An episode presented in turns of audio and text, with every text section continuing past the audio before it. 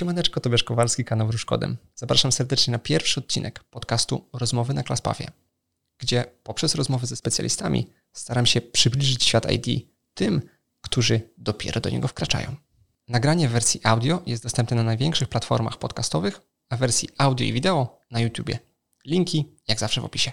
Z pierwszym gościem, czyli Beatą Nowacką, HR Manager w firmie IDEMIA, rozmawiamy o młodych specjalistach w IT z jej perspektywy, a w szczególności o ich zarobkach, kiedyś i dziś, o tym, czy na rozmowie rekrutacyjnej można powiedzieć za dużą stawkę, co tak naprawdę HR sprawdza podczas tej rozmowy, czy CV jest jeszcze w ogóle potrzebne, kim jest wartościowy pracownik według HR oraz jak wyróżnić się w organizacji, a także wiele, poruszamy wiele, wiele innych tematów, także zapraszam serdecznie. Dzisiaj na Klaspafie łączymy się z warszawskim klimatyzowanym home office'em Beaty Nowackiej. Halo Warszawa, czy dobrze mi słychać? Cześć. E, cześć Beata. E, pierwszym tematem mojego podcastu jest przyjrzenie się młodym programistom, e, młodym programistom z różnej perspektywy. I dzisiaj chciałbym porozmawiać z Tobą o, o właśnie o, mm, o, młodych programistach z Twojej perspektywy. Z Twojej perspektywy, czyli zawodowo kogo? No, jestem HR managerem, tak to się nazywa, z krwi i kości HR-owcem i zajmuję się organizacji, zatrudnianiem i rozwojem ludzi. Okej, okej. Okay, okay. um, czyli um, dlaczego HR tak naprawdę? Bo um, czy to był twój wybór taki, uh, od początku wiedziałaś, jak studiowałeś, że pójdziesz w HR, czy e, po prostu trafiłaś na pracę w HR i potem się jakby zjadłeś tego bakcyle, powiedziałeś, że to będzie, e, to będzie moja, moja e, rola? Ja nawet przed studiami już to wiedziałam. Zawsze interesowałam się psychologią i ogólnie naturą ludzką. I kiedy przyszło do wyboru studiów, mm, to wybrałam naturalnie psychologię i znalazłam sobie właśnie taki kierunek zarządzanie zasobami ludzkimi. Mhm. No to był początek lat 2000 e, i to był taki bardzo popularny wtedy, taki hot kierunek. E, to jakby gdy studiowanie takiego kierunku obiecywało wielką karierę i dużo kasy. W związku z czym, żeby dostać się na ten kierunek na Uniwersytet Łódzki, to musiałam pokonać 19 kontrkandydatów na jedno miejsce. Czyli jak programista teraz. Czyli jak no, informatyk. tak więc e, to rzeczywiście była obietnica szalonej, szalonej kariery. I tak, więc jakby to było takie moje marzenie, e, które się ziściło i, i bardzo dobrze, że się ziściło. Okej. Okay. E, okay. Powiedziałaś właśnie o, o tym, że, że interesował Cię mm, psychologia i tak naprawdę to jak ludzie e, ze sobą współpracują na tej, tej sferze. I kiedyś na, e, na HR e, mówiło się tak powiedzmy kadrowa, natomiast mi kadrowa kojarzy się, mm, kojarzy się stricte z takimi mm, rzeczami kontraktowymi, czyli typowo papier, papierkowa robota. No to powiedzmy, że kadrowa to była taka HR, no to ty jesteś menadżer HR, to byłoby powiedzmy główna kadrowa, E, pewnie jeszcze jesteś kadrową nie tylko w Polsce, HR nie tylko, y, menedżerem nie tylko w Polsce, ale też w innych krajach, to nie wiem, e, główna kadrowa bloku wschodniego albo cokolwiek innego. E, specjalnie to powiedziałem, liczę na, e, na osoby w firmie, że taką tabliczkę ci zrobią, e, ale już w, do sedna. E, to, ta kadrowa właśnie kojarzy się z takimi papierowymi, papierkową robotą, a, a wydaje mi się, że właśnie HR aktualnie i nawet teraz, czyli w, w okresie pandemii, to, to jednak HR musi się pokazać trochę z innej strony i jakby ma szansę się pokazać też z innej strony pracownikom, że nie tylko dbają o papierki, ale też jakby muszą dbać o, o inne aspekty. Yy, jasne. Yy, tak, ja się spotykam z tym, że ktoś tam na mnie chętnie powie kadrowa yy, i widzę w tym nutkę sympatii, także dziękuję Ci Tobiasz. Tabliczka zapewne pojawi się. No, ja, ja liczę, liczę na zarząd. Jakby Piotrek, no. Adam, jak będą oglądać, to mam nadzieję, że taką tabliczkę postawią.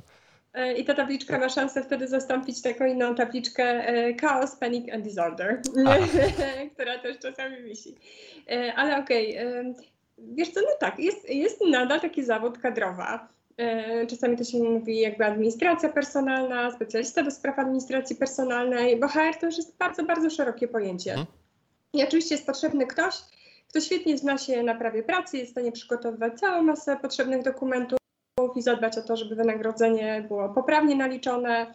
To są regulaminy, umowy, wynagrodzenia, zaświadczenia, naprawdę olbrzymia działka. Mhm. E, I kiedyś w większości na to się rzeczywiście administracja i działy personalne skupiały, ale to było bardzo, bardzo dawno temu.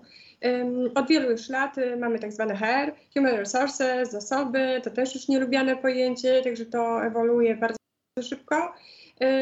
No to dlaczego ja wybrałam taki kierunek? Y, ja lubię mieć wpływ. Lubię, nie boję się podejmować decyzji, lubię mieć wpływ. Y, jestem ekstremalnym ekstrawertykiem, więc potrzebuję wielu ludzi dookoła i czerpać z nich energię, więc moja rola to jest zdecydowanie nie jest rola kadrowej. Dajcie mi jakiekolwiek papiery, ja je chętnie zgubię. Okay. tak więc potrzebna jest jakby ta, ta funkcja administracji personalnej, ale to, o czym pewnie dzisiaj będziemy rozmawiać, to, to, to jest to, taki miękki HR i to jest, to jest prowadzenie, prowadzenie organizacji w tym sensie zarówno służenie organizacji, jak i służenie ludziom w tym organizacji, bo na szczęście żyjemy w czasach, gdzie mamy partnerstwo i, i równie ważna jest firma, co co pracownik, pracownik, który jest zadowolony, szczęśliwy. Także mamy przed sobą nowe wspaniałe ścieżki karier, y, czyli y, Chief Happiness Officer, taką też miałam tabliczkę kiedyś. Ja też się utożsamiam z takim oficerem szczęścia. No bo jakby, jeśli lubi się ludzi, ja lubię ludzi, to jest w ogóle warunek bycia w herze żeby lubić ludzi, nieważne czy jest introwertywny, spokojny, analityczny czy szalony, trzeba po prostu lubić ludzi Mm, to dbanie o ich szczęście jest po pierwsze taką przyjemnością, a po drugie ono się opłaca organizacji. Więc jakby skoro zadowolony, szczęśliwy pracownik się opłaca organizacji, no to jakby tym bardziej ma sens istnienie takich zespołów jak, jak nasz HR-owy. Okej, okay, okej. Okay. Więc wydaje mi się, że, że już wiecie, czym Beata się zajmuje i, i e, które, które strony charaktery są jej mocne, a, a, a niekoniecznie, a które nie. E, więc papierów Beacie nie dawać, proszę, ale e, jak spytać o, o samopoczucie, to jak najbardziej. Ale to jeszcze ostatnia y, właśnie kwestia związana z tym, z, z tymi miękkimi elementami. Myślę, że fajne jest, e, możesz wspomnieć o tym raporcie, który, który, ankiecie, którą robiliśmy, która mnie na przykład zaskoczyła, że mimo to, że pracujemy w że pracujemy z domu i dla wielu osób może to być chociażby ale ta zmiana sprawia, że, e, że jest dla nich coś, coś nietypowego i czułem się psychicznie, e, powiedz mi, że może nie, nie najlepiej, ale jakby czują, że psychicznie siadają na, e, w, w, w tym aspekcie, że to, to, też jest ciekawe, że człowiek, dla mnie to nie było różnicy, ale to jest dla mnie personalnie, ale ludzie są różni i że jakby te, te badania pokazały również, że, że takie osoby są i o takie osoby trzeba w pewien sposób zadbać. I, um, Jakie na przykład rzeczy robiliśmy w firmie, które spowodowały, że, że może staraliśmy się, żeby, żeby osobom się, się ten, ten, ten ta, ta mentalność poprawiła e, poprzez pracę z domu, który byli, do której byli zmuszeni? Tak, i to e, powiem, że na szczęście nie tylko my robiliśmy takie rzeczy. E, w wielu, wielu firmach różne inicjatywy w czasie tej pandemii zostały zainicjowane, odpalone i to naprawdę fantastycznie świadczy w ogóle o firmach, że spełniają one nie tylko, tak czasem myślimy sobie, tak, firma jest do zarabiania kasy. O, tak jest, ale z drugiej strony to jest taki, e, takie miejsce, w którym po prostu żyjemy e, i spędzamy mnóstwo, mnóstwo czasu. Więc wszyscy znaleźliśmy się w dziwnej sytuacji i firmy się o siebie trochę bały, ale, ale przede wszystkim pracownicy. Więc ten czas dla niektórych zamknięcia, lockdownu, spowolnienia, dla nas, dla herów, dla zespołów IT, takich administracyjnych, to był czas chyba najcięższej pracy, jaki wspominam ostatnio, bo musieliśmy zadbać o bardzo wiele rzeczy rzeczy e, i chcieliśmy właściwie to zrobić. E, ludzie nam tak, e, wiesz, dnia na dzień zniknęli z oczu po prostu. Trzeba było się samo odizolować w domach. I czas olbrzymiego stresu i lęku.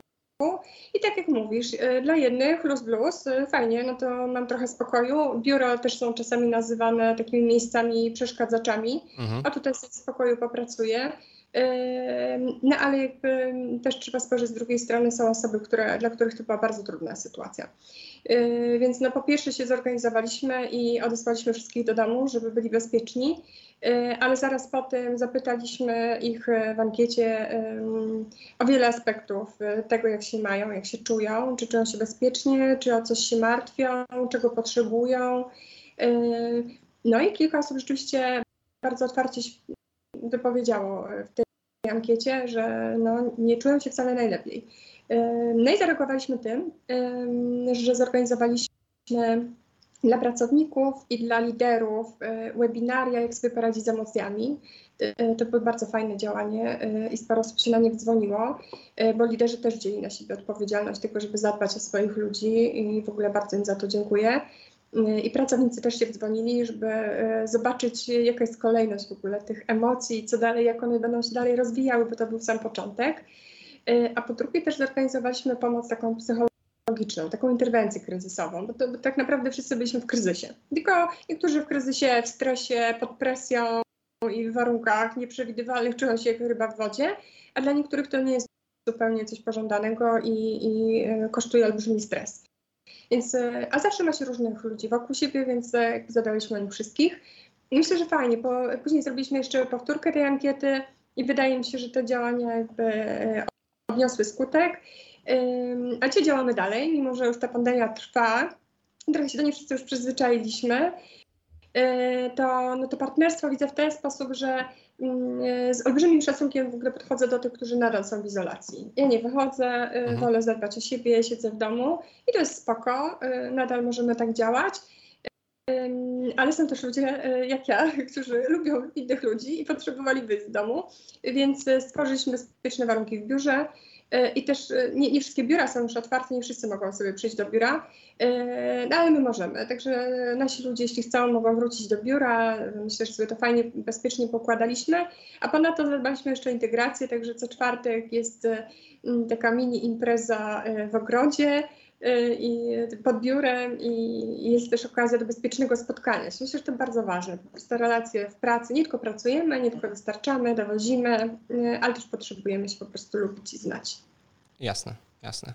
A, tak, rzeczywiście te, te czwartki są, a, są całkiem, całkiem fajne i jak czasami na tą imprezę filmową tak się idzie, o, tak, może tak, może nie, to tutaj jakby człowiek czasami czuje, pewnie też nie każdy, ale czasami ktoś może czuć, żeby, że ma ochotę wpaść. Um, Dobra, ale mm, to były tematy takie powiedzmy rozgrzewkowe. E, ten podcast staram się, e, żeby był ukierunkowany dla, dla młodych programistów i na pewno tym tematem chciałbym, się, chciałbym, żebyśmy się głównie zajęli dzisiaj. I poprosiłem Cię już wcześniej, e, żebyś, żebyś tak starał sobie przypomnieć, jak to było z zarobkami, zarobkami młodych programistów bo myślę, że to też jest ciekawy aspekt, e, że to nigdy nie było tam ileś kana e, od razu, programista 7K w 3 miesiące, ten, ten przysłowiowy, że to, nie, że to nie jest tak od razu, tylko, tylko rzeczywiście to, są, to jest pewien proces i kiedyś tak aż tak bardzo nie było, więc, więc chciałem się do ciebie, ciebie dopytać um, o zarobki. Jak e, kiedyś na przykład, nie wiem, 10, ileś tam lat temu młody programista startujący na rynku mógł, na co mógł liczyć i na co może liczyć, liczyć teraz? Mhm. Y, no tak, y, wiesz, zarobki to zawsze jest taki temat, gdzie można powiedzieć, to zależy. Mhm.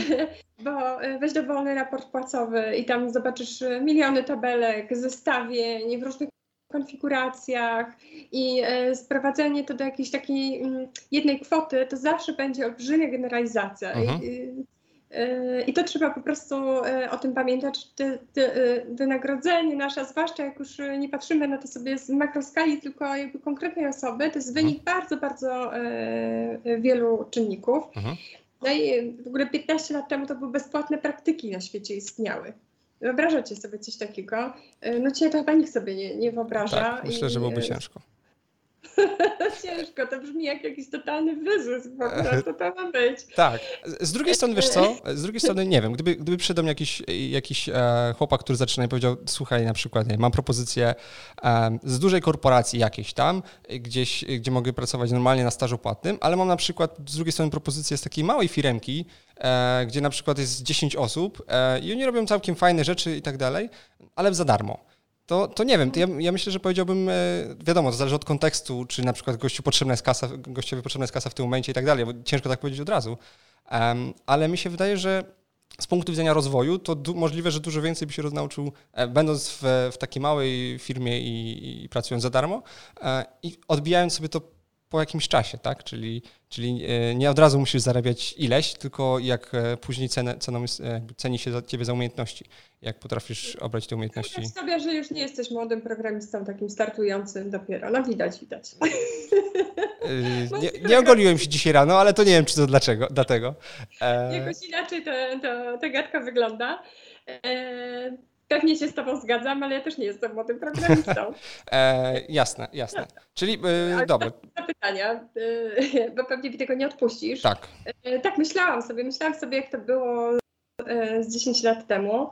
E, I tak, to jakby, tylko pamiętajmy, że bazujemy na olbrzymiej takiej generalizacji, ale myślę sobie, że miała zgeneralizować, to 10 lat temu E, po praktykach zatrudnialiśmy e, junior programistów za mniej więcej 3-4 tysiące brutto, mhm. czyli e, tak, a, a, dzisiaj to będzie mniej więcej dwa razy tyle.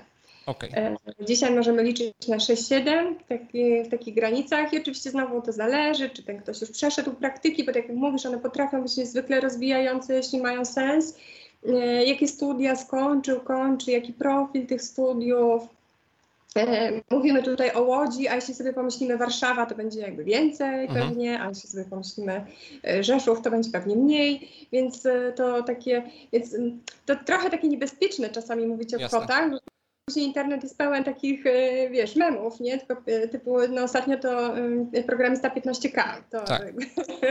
I no. później od tego zaczyna się każda rozmowa rekrutacyjna. To jest dużo HR-owej pracy znowu.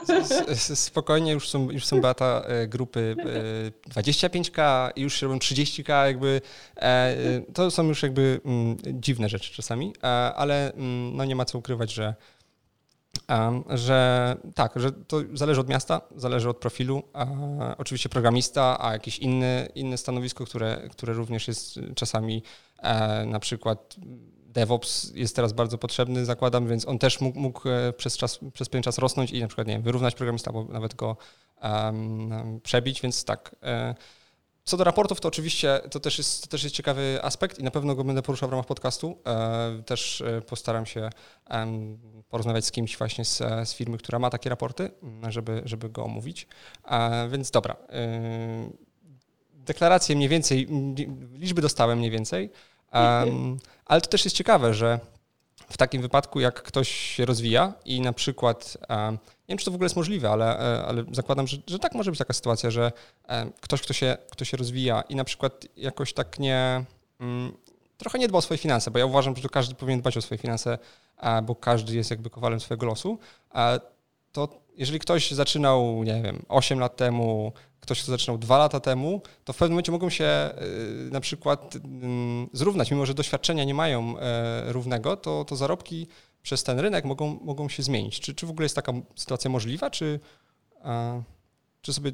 Pracuje 8 lat i mhm. dostanie przez 8 lat tyle samo, a ktoś pracuje 2 lata, mhm. czyli z stażem, ale będą zarabiali tak samo, mhm. tak? Czyli jakby i, i, wnioskujesz, że może ktoś, kto niedostatecznie zadba o swoje y, zarobki, y, może po prostu nie być doceniany y, przez firmę, tak? Że okay, samemu jasne. trzeba tutaj. No nie wiem, się wydaje, że, że, takie w praktyce takich przypadków będzie niewiele. Mhm. Dlaczego? Dlatego, że firmy są dynamiczne, IT jest dynamiczne. I to no, firma by się musiała nie zorientować, że zarobki na rynku wzrosły, że pracownika, którego ma od 8 lat, nie podnosić mu mhm. wynagrodzenia albo bardzo, bardzo nisko każdego roku. No może się tak zdarzyć, jeśli ta firma nie rekrutuje. Była mała, jest mała, działa w jakichś ograniczonych technologiach, ten człowiek też się nie, nie za bardzo zmienia, znaczy mhm. ciągle jest w tych samych technologiach, mają taki stary produkt i sobie go tam rzeźbią. No może by się tak mogło zdarzyć, natomiast jeśli już ta firma jest w miarę rozwojowa, rekrutuje nowe osoby każdego roku, przynajmniej kilka, to widzi zmiany na rynku pracy i odnosi się do nich, tak? Czyli jakby myślę, że yy, że to, to będzie niewielki nie odsetek takich przypadków. Z drugiej strony myślę sobie, że to pracownik może też stanąć w miejscu. W IT, w tej branży, chociaż myślę, że prawie w każdej dzisiaj, bo żyjemy naprawdę w zmiennym świecie, e, ale w IT w szczególności e, trzeba się rozwijać. Jeśli się nie rozwiniesz, to za rok Twoja wiedza jest nieaktualna, a mhm. zatem nie tylko twoje wynagrodzenie teoretycznie mogłoby się obniżyć, tak? Bo już dzisiaj to powinieneś na tym stanowisku mieć większą wiedzę, tak? Zawsze musisz znać nowe biblioteki, wybrać nowy język programowania, jakieś nowe, nowe style. sam wiesz więcej, co tu należałoby wymienić pewnie. A więc tutaj dwie strony. Z jednej to firma się musi orientować, jak, jak, jak idzie rynek, ale rynek się upomina o pracowników, którzy są dostępni za niskie pieniądze na rynku pracy. Na pewno więc, tak, zgadza się. To, co powiedziałeś, jakby to dbanie o siebie tak, w zakresie swojego rozwoju. Tak? Myślę, że nie, nie, trzeba podnosić tam paluszków do góry, że hej, hej, ja tutaj podwyżka, tylko raczej dbanie o siebie, żeby, żeby ja był cały czas wartościowy i konkurencyjny w stosunku do tych, jakbym powiedziała, 19 kandydatów, których ja musiałam pokonać e, idąc na studia. Mhm. To każdego dnia my się tam odnosimy do tych innych e, osób, które na takim samym stanowisku w tej czy w innej firmie też pracują. Tak? My się do nich musimy spozycjonować. Jestem tak samo dobry jak oni, słabszy, lepszy, i to moje wynagrodzenie też w ramach nawet jednej roli i oni będą programistami i ja, ale mogę być lepszy i będę zarabiał więcej, niezależnie od tego, co będą raporty płacowe. Jasne. Także tutaj dużo, dużo po stronie y, pracownika. Jasne, jasne, jasne. Ja dodam tylko taki y, krótką informację, że pieniądze to nie wszystko czasami. Jakby jest, jest dużo innych ważnych rzeczy w firmie e, i, i, i, te pieniądze, pieniądze, te pieniądze nie powinny być, e, nie powinny być na tym, e, nie zawsze może powinny być na tym pierwszym miejscu, bo, um, no bo, bo jednak czasami rozwój jest dużo ważniejszy i, i pieniądze kiedyś się mogą, mogą zgadzać. Trzeba, wydaje mi się, patrzeć trochę na inne rzeczy, ale to też jeszcze myślę, że porozmawiamy. Myślę, że tutaj na pewno porozmawiam z jakimś doświadczonym deweloperem, który, że to sobie podyskutujemy w tym, w tym aspekcie. Dobra, super. A jak w ogóle wyglądają takie proces, proces podwyżkowy? Czyli powiedzmy, że dostałem ileś tam i czy to jest tak, że już teraz będę miał przez ileś tam lat taką samą kwotę, czy, czy, czy, czy to się, co jaki czas, co jaki czas się ewaluuje te, te zarobki i, jak wygląda taki proces? Czy to idzie, moje zdanie jest dosłownie przesyłane do prezesa i prezes daje tak, ten może zarabiać. Monetą, tak? tak. Albo tak, albo rzuca monetą. Czy, czy to jest jakiś y, proces? Pewnie zależy od firmy, ale, um, ale pewnie jakieś standardy firm, są. Większość firm jest bardzo ogarnięta w tym temacie. Mhm. I, I nawet jeśli są to małe startupy, to one też są ogarnięte, bo to już jest bardzo, bardzo powszechna wiedza. Y, I oczywiście zdarzają się sytuacje takie ad hocowe, y, zmiana stanowiska w trakcie roku albo zmiana projektu, jakieś podjęcie wyzwania i wtedy to ewaluacja jest po prostu hokowa w trakcie roku i, i zmiana idzie za tym jakiś, jakiś awans albo zmiana stanowiska, zmiana wynagrodzenia, ale najczęściej jest to dosyć, e, dosyć sformalizowany proces, który się odbywa raz albo dwa razy do roku. Mhm. Ma kilka faz. No jedno to jest spotkanie lidera albo menedżera z pracownikiem, yy, którego zapyta, jakie masz oczekiwania, na co liczysz, co uważasz się zmieniło, yy, po prostu poznanie oczekiwań, perspektywy pracownika. E, później lider zbiera opinie, pewnie zbiera je przez cały rok, jakoś systematycznie sobie tą wiedzę buduje, ale to jest taki moment podsumowania, podsumowania opinii o pracy tej osoby, jak bardzo zadowolony, jaki progres ta osoba zrobiła w zakresie kompetencji, zaangażowania, może trudności zadań, jakie bierze na siebie, a może dodatkowych zadań. Już wszystkie te informacje sobie zbiera e, i rodzi mi się w głowie jakaś propozycja, ok, super, naprawdę niesamowity rozwój, muszę docenić tę osobę, chciałbym to zrobić. No i przychodzi taka y, trzecia faza, najtrudniejsza, a czasami najpiękniejsza, a czasami najtrudniejsza to taki, taki proces kalibracji. Mhm. Jak idziesz y, sobie coś kupić, y, no to ileś tam no zawsze masz ileś pieniędzy w portfelu. tak samo jak chcesz docenić swoich ludzi w zespole, masz ich, nie wiem, 10, 15, a w skali firmy to, to jest nawet kilkaset, to masz ileś kasy w portfelu, żeby to zrobić. I, i trzeba to wszystko jakby przemyśleć i, i teraz mamy osoby, które no, podczas tej pierwszej fazy mogą przedstawiać dosyć takie wybujałe oczekiwania mhm. i dobry lider musi jakby odnieść się do nich w sposób bardzo merytoryczny, ale też tę osobę no, w jakiś sposób zracjonalizować jej podejście do swoich oczekiwań. A z drugiej strony Y, będzie miał w zespole osoby, które nie przedstawiają takich oczekiwań. No, podejmij decyzję. Masz, masz szerszą perspektywę niż ja. Ja nie wiem, czy innym dajesz podwyżki, czy nie, jak oceniasz mój rozwój y, i ty podejmij decyzję. I to jest taka olbrzymia odpowiedzialność. Ten proces kalibracji w tym jest piękny, że, że jest trudny y, i że jest bardzo odpowiedzialny. Natomiast no, wtedy siadamy w dużym gronie menedżerskich, omawiamy sobie ludzi. Myślę, że to się dzieje w większości firm mhm. e, i na koniec rzeczywiście przygotowujemy propozycje. I stąd sobie myślę, że nawet jeśli nie podnosi tylko paluszkę, że hej, hej, nie zapomnijcie o mnie, lider nie powinien o tobie nigdy zapomnieć. Dobry proces nigdy nie powinien zgubić żadnego pracownika i powinien docenić, bo jakby w ogóle proces takiej rewizji wynagrodzeń to jest proces doceniania ludzi za, za pracę, jaką wkładają i za, właściwie za rozwój, jaki, e, jaki dokonują co, co roku albo co pół roku. Mhm. E, a też sobie uważam, że pieniądze są trochę taką walutą wdzięczności. I, i no jakby, no możesz powiedzieć good job, poklepać po ramieniu i tyle. Awans, awans bez podwyżki, super, super, rób jeszcze więcej, tak? No tak, ale jeśli dajesz za to kasę, to jakby nie podlega wątpliwości, że rzeczywiście ty to doceniasz, e, bo na pewno, żeby tą kasę dostać, e, zarezerwować dla, dla swojego e, człowieka w swoim zespole, to wykonałeś jakąś pracę. I, i z tego tytułu to jest jakiś, jakiś symbol wdzięczności. Oczywiście na miarę na taką, w jakiej, dane, w jakiej w danej firmie się płaci, bo, mhm. bo to też jest różnie. Różne firmy mają różne budżety, różne tam Y, sytuacje i, i tak dalej. Koniunkturę. No, nawet y, aktualna sytuacja, zakładam, że w firmy, które mają działy od, nie wiem, od mm, tworzące systemy dla hoteli, a czy jakichś innych y, rzeczy związanych z branżą, która po prostu zamarła przez pewien czas, no mogą mieć, mogą mieć zupełnie inaczej niż, niż firmy, które nie wiem, produkowały maseczki. Tak? Jakby... Teraz pozytywne jest to, że IT zwykle przy takich trudnych sytuacjach trzyma się nieźle. W sensie okay. tąpnięcia w IT są duże. E, drugą taką odpornym sektorem jest sektor publiczny, w którym opóźnienie e, dekoniunktury, zanim wpłynie na sektor publiczny jest tak duże, że przez długi, długi czas sektor publiczny jakby trzyma e, poziom. A to, to a IT też jest takie, że ono się jakby ta fala powiedzmy się opóźnia z czasem, czy... Zależy od natury kryzysu. Mhm. Akurat ten kryzys, który właśnie nam się tutaj teraz dzieje, to, to wpłynął, tak jak wymienić branżę hotelarską, y, oczywiście lotnicza, mhm. automotive, auto się w ogóle nie chcą sprzedawać, y, jest po prostu ogromna nadpodaż, więc, więc pewne branże dostały potyłku i projekty IT zostały wstrzymane, bo nie miałyby, klienci nie mieliby z czego pewnie tam płacić. Ale z kolei, no popatrz na największego chyba beneficjenta tego kryzysu, czyli Zoom.com. Akurat hmm. jesteśmy na Teamsach, ale one też e, ewoluowały w zawrotnym tempie, żeby tak. się dostosować, bo musiły przegonić e, Zooma. E, także są obszary, które na tej szybkiej, szybkiej digitalizacji po prostu skorzystały i na tym, i na tym lecą.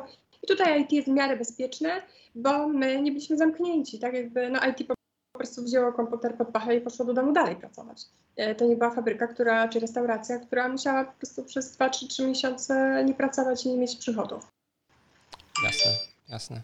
Um, Okej, okay. E, to kolejnym tematem już trochę nawet go zacząłem właśnie, o, jeżeli chodzi o, o to, jak ta kasa jest ważna, czyli czy wraz ze wzrostem doświadczenia ta, ta kasa zmienia miejsce na liście priorytetów, a czy ona jest stała, czy to na przykład zależy od tego, że jak już się osiągnie pewne pułap zarobków, to dopiero wtedy ktoś mówi, dobra, to ja już jakby nie potrzebuję dużo, dużo więcej.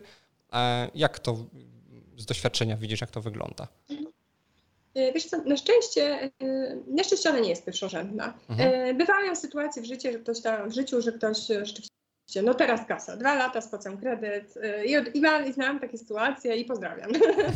natomiast, natomiast ona zwykle nie jest pierwszorzędna i nawet jak masz, to sam powiedziałeś mm, o sobie, trochę zażartowałam sobie z ciebie, ale no tak jest, że przychodzą młodzi ludzie i oni wybierają e, praktyk pod kątem tego, gdzie się najwięcej płaci za praktyki. Czy ten tutaj daje trzy, ten cztery, ten pięć, to pójdę tam, gdzie pięć. Rzeczywiście mądrze wybierają rozwój. Y, no bo wiedzą, że to jest trampolina. Y, na początku kariery to, jak wybierzesz, czy, czy parzysz kawę, czy kserujesz, czy, czy robisz projekt, mm, czy pracujesz dla realnego klienta z najnowszą technologią, czy po prostu jakiś projekt wewnętrzny z, i, i niekoniecznie masz opiekuna, to, jest, to ma olbrzymi wpływ, więc na początku kasa nie ma dużego znaczenia, bo i też potrzeby tych osób są jeszcze nie takie wysokie, mhm. finansowe i z czasem też nie, dlatego że y, no, ludzie są mądrzy po prostu i wiedzą, że jeśli nie będą się rozwijali w pracy, to, to oni za chwilę i tak nie będą mogli żądań płacowych żadnych wystosować. Także w IT to, to leci równo. Tak? Jakby okay. na, mhm. I poza tym, że oczywiście mamy pewne rzeczy, które wpływają na nasze oczekiwania finansowe. E, to jest, nie wiem, poczucie własnej wartości e, albo jakieś zdanie, jakie o sobie mamy, trochę za wysokie lub minimalnie albo za niskie. No ono, ono wpływa, no ale to, to, tę pracę wykonuje się na rozmowie rekrutacyjnej albo tuż po niej, to raczej tu odnosimy się do tego, co możemy i partnersko negocjujemy. I, i no, IT ludzie zdają sobie sprawę z tego, że bez rozwoju nie ma kasy. Może być chwilowa, ale ona później tak się zrówna. Okej, okay. to, to ciekawe, bo e, mi się wydawało, że właśnie czytając te wszystkie um, rzeczy na artykuły czy jakieś e, filmiki, na, gdzieś oglądając o tych właśnie przysłowiowych, ile, tak, ileś tam kaw, ileś tam, to takie miałem wrażenie, że ludzie, którzy przychodzą, to już, już mają taki, to środowisko, to, to media tak naprawdę, bo trzeba powiedzieć, że to wszystko to są pewne rodzaje, rodzaje mediów, one w, na tego człowieka tak wpływają, że on jednak e, e, ma i czasami mam wrażenie, że myślałem, że oni dopiero się zderzają na rozmowie rekrutacyjnej z, z, takim, z takim realnym, realnym życiem, jak pójdą do jednej firmy, drugiej, trzeciej i się okaże, że to, to nie jest od razu tak wszystko y, pięknie, cudownie. E, no tak, yy, trochę tak jest, natomiast yy, no, jest to branża, która się po prostu dużo zarabia, więc no, tak. my sobie tutaj gadamy i mówimy, nie, kasa nie jest najważniejsza, ale ona jest bardzo wysoka.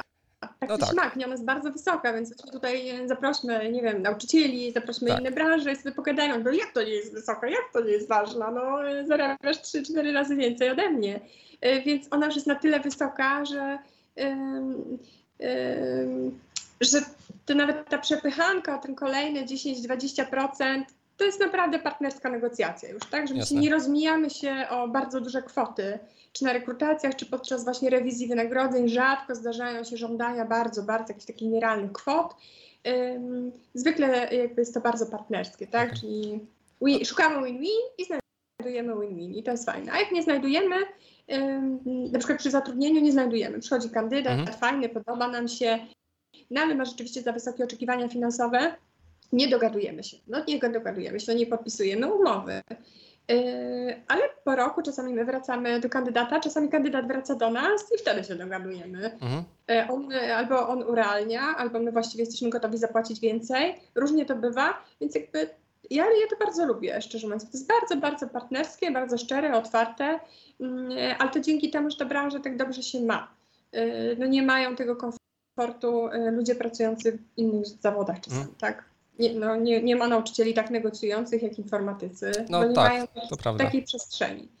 To prawda. Z drugiej strony ta umiejętność negocjacji jest e, u programisty, myślę, że też e, jest to jakimś tam ważnym elementem czasami, e, że to jakby nawet nie chodzi o to, żeby, żeby uzyskać jak największe pieniądze, ale żeby przedstawić swoją, y, swoją wartość jak najlepiej, bo czasami, nie wiem, no, lider może czegoś nie zauważyć, y, może być zabiegany, może być liderem, nie wiem, kilku zespołów. Różne są sytuacje i to, to zależy przede wszystkim na początku od pracownika, aby on, um, aby on przez cały rok tak naprawdę mógł sobie zbierać pewne rzeczy, które, które osiągnął i które powiedział, że no, y, nie wiem, znajdź mi drugą osobę, która coś takiego zrobiła. I, i te rzeczy mogą, mogą dla niego wpłynąć e, na, na, plus, więc myślę, że to też jest taki element, że, że na te rozmowy trzeba się zawsze przygotować, a nie, nie traktować ich jako coś, coś co jest e, dobra, odbębnie i tyle. Przecież on wszystko wie, tak? Tylko, albo ona wszystko wie, a tylko raczej tak, że, że warto się przygotować. To myślę, że też jest taki, taki element. Na pewno też warto się przygotować do rozmowy rekrutacyjnej w tej kwestii, ale to zaraz do tego, do tego przejdziemy. Um, dobra. Uh, właśnie.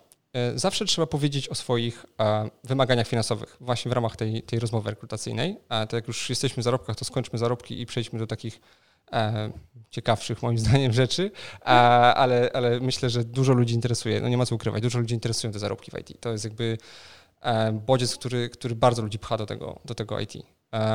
ale czy da się właśnie przestrzelić? W sensie, czy jak Harry na to patrzy? Czyli na przykład y, ktoś powiedział, nie wiem, no y, możesz zarabiać 2000, powiedział 4,5, że chce, czy cokolwiek innego, tak? Jakby, albo y, może 5, a powiedział 10, tak? Bo gdzieś przeczytał, że może być 10k.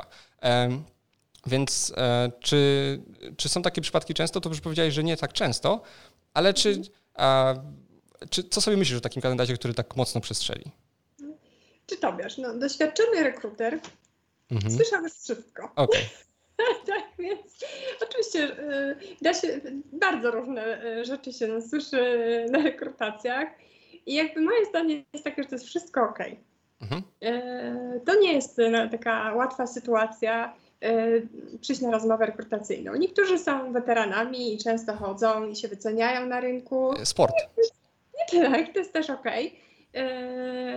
A niektórzy zmieniają pracę raz na kilka lat za pięć albo rzadziej nawet. I dla nich to jest wyjątkowa sytuacja być e, na takiej rozmowie. Mhm. E, widać to, kiedy się denerwują e, albo kiedy ciśniemy, żeby powiedział cokolwiek.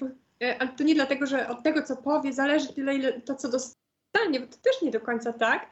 E, tylko zawsze jesteśmy ciekawi, czy spełniamy oczekiwania, czy będziemy tutaj e, no jakby nie dopłacać, czy, czy mamy szansę powiedzieć więcej, więc mm, to jest, e, więc to jest. Wszystko, co się dzieje na rozmowie rekrutacyjnej, dzieje się trochę w szczególnej sytuacji. I mamy tych weteranów i widzimy, jak nas tam sprawdzają, ale mamy też naprawdę ludzi, którzy, którzy się stresują tą, tą, tą rozmową i bardzo unikają e, tej kwestii pieniędzy. Widzimy, że ona nie jest najważniejsza, że szukają po prostu dla, dla siebie fajnego miejsca na kolejne lata. E, I, I to, co wspomniałam, niektórzy chorakują albo mają po prostu wysokie poczucie własnej wartości i bardzo wysoko się cenią. I my mamy wtedy trudne zadanie, bo ofertując, mm, składamy niższą ofertę Y, i bardzo często kończy się podpisaniem umowy. Mhm. Y, y, a są też tacy, którzy no nie są w stanie wydusić z siebie w ogóle swoich oczekiwań finansowych, to w ogóle nie mieści się w ramach bycia dżentelmenem, żeby o kasie gadać. I wtedy my po prostu musimy wycenić od zera i, i, złożyć ofertę. Niektórzy przychodzą z różnymi strategiami też na rozmowę rekrutacyjną. Ty sam powiedziałeś coś takiego, że no jak sobie tam na początku nie wywalczysz, to później przez trzy lata możesz tej samej stawce być, nie? No to od razu, no to trzeba z grubej rury. I taka strategia, jak przychodzi Aha, na spotkanie, jak rozpoznamy, to fajnie, jak nie rozpoznamy, to, to, to też nie wiemy o co kaman. Yy, albo, że na pewno będą negocjować, to trzeba powiedzieć 20% więcej, yy, żeby było z czego mhm, schodzić, mm, jak będą mm. negocjować. Albo w drugą stronę właśnie, że jak powiem za dużo, to do mnie nie zadzwonią, nie złożą mi oferty. E, I czasami ja tak mam w głowie, że sobie myślę, o kurczę, nie, no strasznie wysokie oczekiwania, nic z tego nie będzie. Ale chwilę później mówię, no kurczę, nie po to się spotykaliśmy, żebym się teraz tutaj nie złożyła oferty. Mhm. I składam czasami dużo, dużo niższą ofertę, uzasadniam, że dla nas to jest sprawiedliwa oferta e, i czasami kandydat przyjmuje tą ofertę, więc e, no, życie uczy naprawdę, trzeba otwarty, mówić co się myśli i, i ale jak się ma jakąś strategię, no, wistuj, graj, tak. No, no, wiadomo. No, jakby kto komu zabroni, nie? Tak, jakby myślę, że e, jak niektórzy mogą traktować, a też nie uważam, że to jest, a już to powiedzmy, że e, osobiste zdanie, że jakby e, nie przeszkadza czasami sobie pójść na rozmowę, żeby chociażby e, nawet nie od, strony takiej negocjacyjnej, albo chociażby od strony takiej po prostu czysto się zorientowania w rynku, ale też od strony technicznej, żeby się zorientować, bo czasami to wtedy dopiero na rozmowie rekrutacyjnej. Nie zachęca? Nie, wi wiadomo, tak. Tak. Ja nie chodzę, ja nie chodzę. Ale ale, ale taka też, też, też czasem jest taka prawda, że e, z kimś, kto jest bardzo doświadczony, w kuchni rozmawiasz inaczej, a jeżeli ktoś przyjdzie na rozmowę do takiej osoby, to ta, ta osoba go odpytuje zupełnie inaczej. To jakby tu wchodzą relacje już takie normalne, projektowe, a tam wchodzą relacje takie stricte, ja chcę cię tu sprawdzić, więc, więc jedziemy.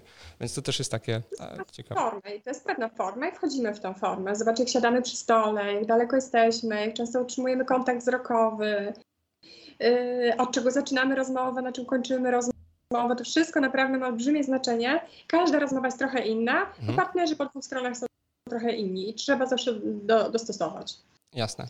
Um, dobra, zaczęliśmy właśnie, powiedziałeś o tym, jak się rozpoczyna rozmowa, jak się zakończy rozmowę. Um, to właśnie y, mamy rozmowę rekrutacyjną, no i ja jako kandydat, po drugiej stronie mam osobę techniczną, bo ona musi sprawdzić moje rzeczy techniczne, ale też jest HR. Jaką rolę mhm. pełni w tym, w tym w tej procesie rekrutacji HR, albo w ramach tej rozmowy HR? Na co on patrzy tak naprawdę? Po co, po co tam jest, tak y, kolokwialnie mówiąc? No, no tak, rzeczywiście. Mamy partnera technologicznego i HR się raczej na technologiach nie zna, rzadko się gdzieś tam z technologii wywodzi i, i tutaj nie ingerujemy, ale nasze zadanie jest zupełnie inne. Poza tym, że odpowiadamy za proces, E, mhm. Czyli e, to, to też jest ważna sprawa. Dbamy o to, żeby pytania, które nie powinny paść, nie padły. E, mhm. Czyli edukujemy swoich partnerów technologicznych, rekrutacyjnych, o co wolno zapytać, o co nie wolno, w jaki sposób pytać, żeby kandydata nie zestresować. Także dbamy w ogóle o przebieg tego procesu, od czego zaczniemy, na czym skończymy. To, to nawet przysłuchując się w ogóle tej technologicznej przepytce, dyskusji, wyciągamy bardzo wiele wniosków. bo w rekrutacji chodzi o to, żeby człowieka dopasować dobrze. Czyli nie złożyć oferty za wszelką cenę, odhaczyć rekrutację, tylko jeśli zatrudniamy do nas do firmy to, to chcielibyśmy, żeby ta osoba dobrze trafiła, żeby, żeby była dopasowana. Mhm. E, więc patrzymy, jak się komunikuje, jak pracuje w grupie, czy lubi pracować w grupie, czy pracuje samodzielnie, indywidualnie i wtedy lepiej się skupia, e, czy zwięźle e, potrafi się wypowiedzieć, czy umie skupić się na istotnych faktach, czy jest taki rozlazły, leje wodę. Mhm czy jest takim komandosem, lubi wyzwania, lubi pracę pod ciśnieniem, z trudnym klientem, w ogóle jest klientem, lubi pracę, lubi się y, komunikować, y, czy raczej nie, jest od do, lubi bezpieczeństwo, y, lubi mieć zaplanowany elegancki scrum, E, i, e, i taki family guy wychodzi o 16, nie lubi dyżurów, nie lubi jakichś takich telefonów po godzinach. A są ludzie, którzy właśnie by im tego brakowało, lubią adrenalinę. Mhm. Czasami pytam o hobby i to się wydaje, że taki rozluźniacz na rozmowie. Otóż nie jest to rozluźniacz jedynie, e, ponieważ to, czy ktoś gra w szachy, czy skacze na bungee, czy łowi ryby, czy, czy jeździ krosowym motorem po lesie, mówi o tym też, czego poszukujemy w życiu, co nas motywuje, jakimi jesteśmy osobowościami. I, y, I, możemy to dostosować wtedy lepiej do, do zadania. Y, mamy projekty międzynarodowe albo wielokulturowe w różnych strefach czasowych. I staramy się na rozmowie rekrutacyjnej odkryć takie cechy osobowościowe, żeby człowiek nie trafił do zespołu, w którym się będzie źle czuł, albo w którym zespół go nie zaakceptuje, albo zadania będą po prostu niedopasowane mhm. do stylu, w jakim mógł pracować. I jakby olbrzymie wyzwanie y, dzisiaj to jest, bo wszystkim brakuje ludzi w IT. Brakuje programistów i oczywiście każdy by tam zatrudnił najchętniej jeszcze trochę więcej. E, I, i zwykle patrzy na te, te merytoryczne aspekty, mhm. no bo one są jednak dominujące, bo bez tego to się po prostu nic nie da. E, a już nie mamy, często nie mamy takiego komfortu, że tak idealnie sobie dopasować osobę do zadania albo do projektu. Więc y, no to jest takie trochę marzenie HR-owca, na pewno moje, żeby móc bardziej skupić się y, też na tym, żeby to, te miękkie aspekty odgrywały większą rolę.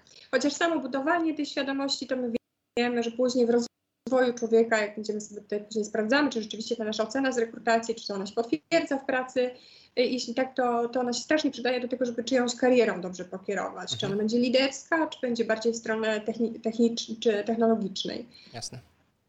E, jasne. A na przykład, a czy da się, powiedzmy, że mm, kogoś, ktoś został odrzucony z, przez rzeczy nietechniczne, czyli powiedzmy technicznie był e, super ekstra, wszystko wiedział, ale miał pewne cechy, które powodują, że, e, że, że, że nie, nie, taka osoba nie sprawdziłaby się w firmie w ogóle albo w tym zespole konkretnym? Niezwykle rzadko.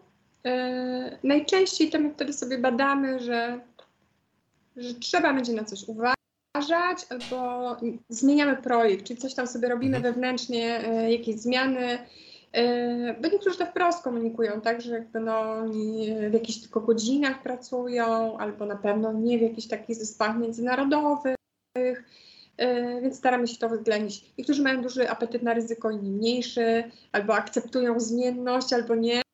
I wiesz, są projekty takie stabilne, niemalże maintenance'owe, więc dla osób, które nie lubią częstych zmian, zmienności wymagań, są idealne projekty. A dla osób nastawionych na bardzo dynamiczny rozwój i akceptujących zmiany, no zanudziłyby się w tych projektach. Więc no, staramy się tak wewnętrznie chyba bardziej, e, bardziej rotować, tak jak powiedziałam, aż takiego komfortu, nie wiem, czy to byłby komfort też, e, no ale żeby takiej selekcji kandydatów, żeby tak idealnie też e, osobowościowo dobierać do, do zadań, to, to nie mamy, ale myślę, że mimo wszystko ta ocena jest niezwykle istotna później przy projektowaniu wdrożenia osoby do pracy. Okej, okay. mhm. jasne. Jasne. No moje pytanie było nie bez powodu, bo na przykład znam taki, znam taki przypadek, kiedy rzeczywiście osoba była bardzo techniczna, ale um, miała pewne cechy, nie chcę tu generalizować jako introwertyczny albo jakiś e, inny, ale po prostu powiedzmy, że um, z drugiej strony miała taki, też taki silny charakter, czyli była taka bardzo, bardzo mocno nastawiona na pewne, pewne tematy, a silnych charakterów w tym zespole było już wystarczająco. I, a, I też tak może być, że jakby czasami mogą się po prostu osoby w zespole pogryźć e, przez, pewien, przez pewne rzeczy. I to może nie iść, w, nie iść e, do przodu. Jakby każdy zespół to jest gdzieś pewnie jakieś połączone rzeczy i, każda cecha jest ważna i, i jak za dużo, za dużo jest jednej, to, to też jest źle. Więc jak ktoś nie zostanie przyjęty, to też czasami można też spojrzeć, że to niekoniecznie musiała być kwestia techniczna, ale po prostu zwyczajnie niedopasowanie do zespołu. Um, Okej, okay, okay. Coś, coś chciałem jeszcze powiedzieć, ale mi już e, wyleciało, może mi, e, może mi wróci. Mowa ciała, czy jest istotna na, na rozmowie? Ubiór, czy jest istotny na rozmowie? Takie myślę, że małe aspekty, ale E, ale niektórzy się na tym zastanawiają, na przykład, czy jakbym przyszedł w t-shircie, to czy ktoś, czy, czy Harry by pomyślał, że to jest w porządku, czy nie? Ty wiesz, jakby nie pamiętam czasów, żeby w IT był jakiś dress code. No, to, tak, to prawda, to prawda. Ale jak, ale jak, ale jak ktoś zmienia... Ale jak ktoś zmienia branżę, to wiesz... Więc raczej w drugą, stronę myślę sobie, że czasami pojawia się kandydat, wiesz, w pełnym outficie, w garniturze. Wtedy ja się lekko uśmiecham, bo to już jest tak rzadkie, mm, e, ale nie wszyscy, niektórzy pytają, czy jest jakiś dress code na interwiu. Mhm. E, mówię, no jeśli dla ciebie będzie dress code, to znaczy, że dla mnie też jest dress code, więc mówmy się, że nie ma dress code'u. E, ale, ale tak, czasami się nawet później śmieję, bo oczywiście nigdy do tego nie nawiązujemy i to nigdy nie ma wpływu na rekrutację. Ale mamy nawet dzisiaj takich pracowników, którzy tak pięknie się ubrali w garnitury na interwiu i później zatrudniałam i dopiero jak powiedziałam, że tak się uśmiechnęłam wtedy, ale powiedziałam to dopiero jak się już zatrudnili, żeby nie mieli wątpliwości, że to nie było wpływu na ocenę. Także myślę, że, że nie, choć na pewne stanowiska może tak być. Stanowiska, nie wiem, e, no, no w IT mamy nie tylko programistów, e, ale są też project managerowie, czasami z kontaktem do klienta, tak, e, więc e, analitycy, którzy się kontaktują z klientem, spotykają się z klientem, więc to jest naturalne, że oni na interwiu e, będą chcieli się być może lepiej zaprezentować. I tak, i to jest i to jest wtedy mega okej. Okay. Czyli, czyli jak, jest, jak, zatrudniamy, jak zatrudniany jest architekt, który się nie będzie wynurzał ze swojej nory, to może nawet przyjść w koszulce, brudnej koszulce, ale, ale PM to jednak musi wyglądać. No, też nie musi właśnie, też nie musi. To jest takie niezwykłe. E, że w tej branży jest absolutny, absolutny luz i nawet na spotkaniach z klientem czasami ten luz jest e, daleko posunięty, ale oczywiście tego się już później w szczegółach się tego dowiadujesz w pracy, tak? Na co tak. masz sobie pozwolić, na co nie. A jeśli nie chcesz zaryzykować na rekrutacji, to zapytaj e, rekrutera umawiającego spotkanie, osoby, którą umawia spotkanie, czy jest dress code na, na, interwiu? I takie pytania bardzo często padają, tak? To, to, jest bardzo mądre zapytać, tak? Jak nie wiesz, to po prostu zapytaj, przecież możesz, możesz zapytać. Jasne. Aż teraz mi się przypomniałam, że to wiesz, tak no często wypa mm, wypadasz z pracy, żeby tam pojawić się w innej firmie na rozmowie rekrutacyjnej. Wiesz, co chcę powiedzieć, tak? No i przyjdzie ktoś w koszuli do pracy. No i cała, jak, jak cały, cały miesiąc nie był ani razu. Cały miesiąc ani razu nie był w koszuli i nagle przyszedł w koszuli. To jest, to nie, nie będę ukrywał, że standardowe pierwsze pytanie jest, gdzie byłeś? I są teraz wymieniane nazwy firm. Tam, tam, tam. I, i tak, to są, to są śmiechy. Czasami ktoś po prostu przyjdzie w koszuli, bo nie wiem, był gdzieś coś załatwić, ale no już jakby y, szyderka powiedzmy, że go już... Poszło, poszło już. Tak, tak już go, już go, już go nie, nie ominie. E, powiedz Bata, czy na rozmowie rekrutacyjnej CV jest nadal potrzebne? E, czy na przykład, jeżeli już mamy takie platformy jak LinkedIn, to czy to LinkedIn już całkowicie wystarczy?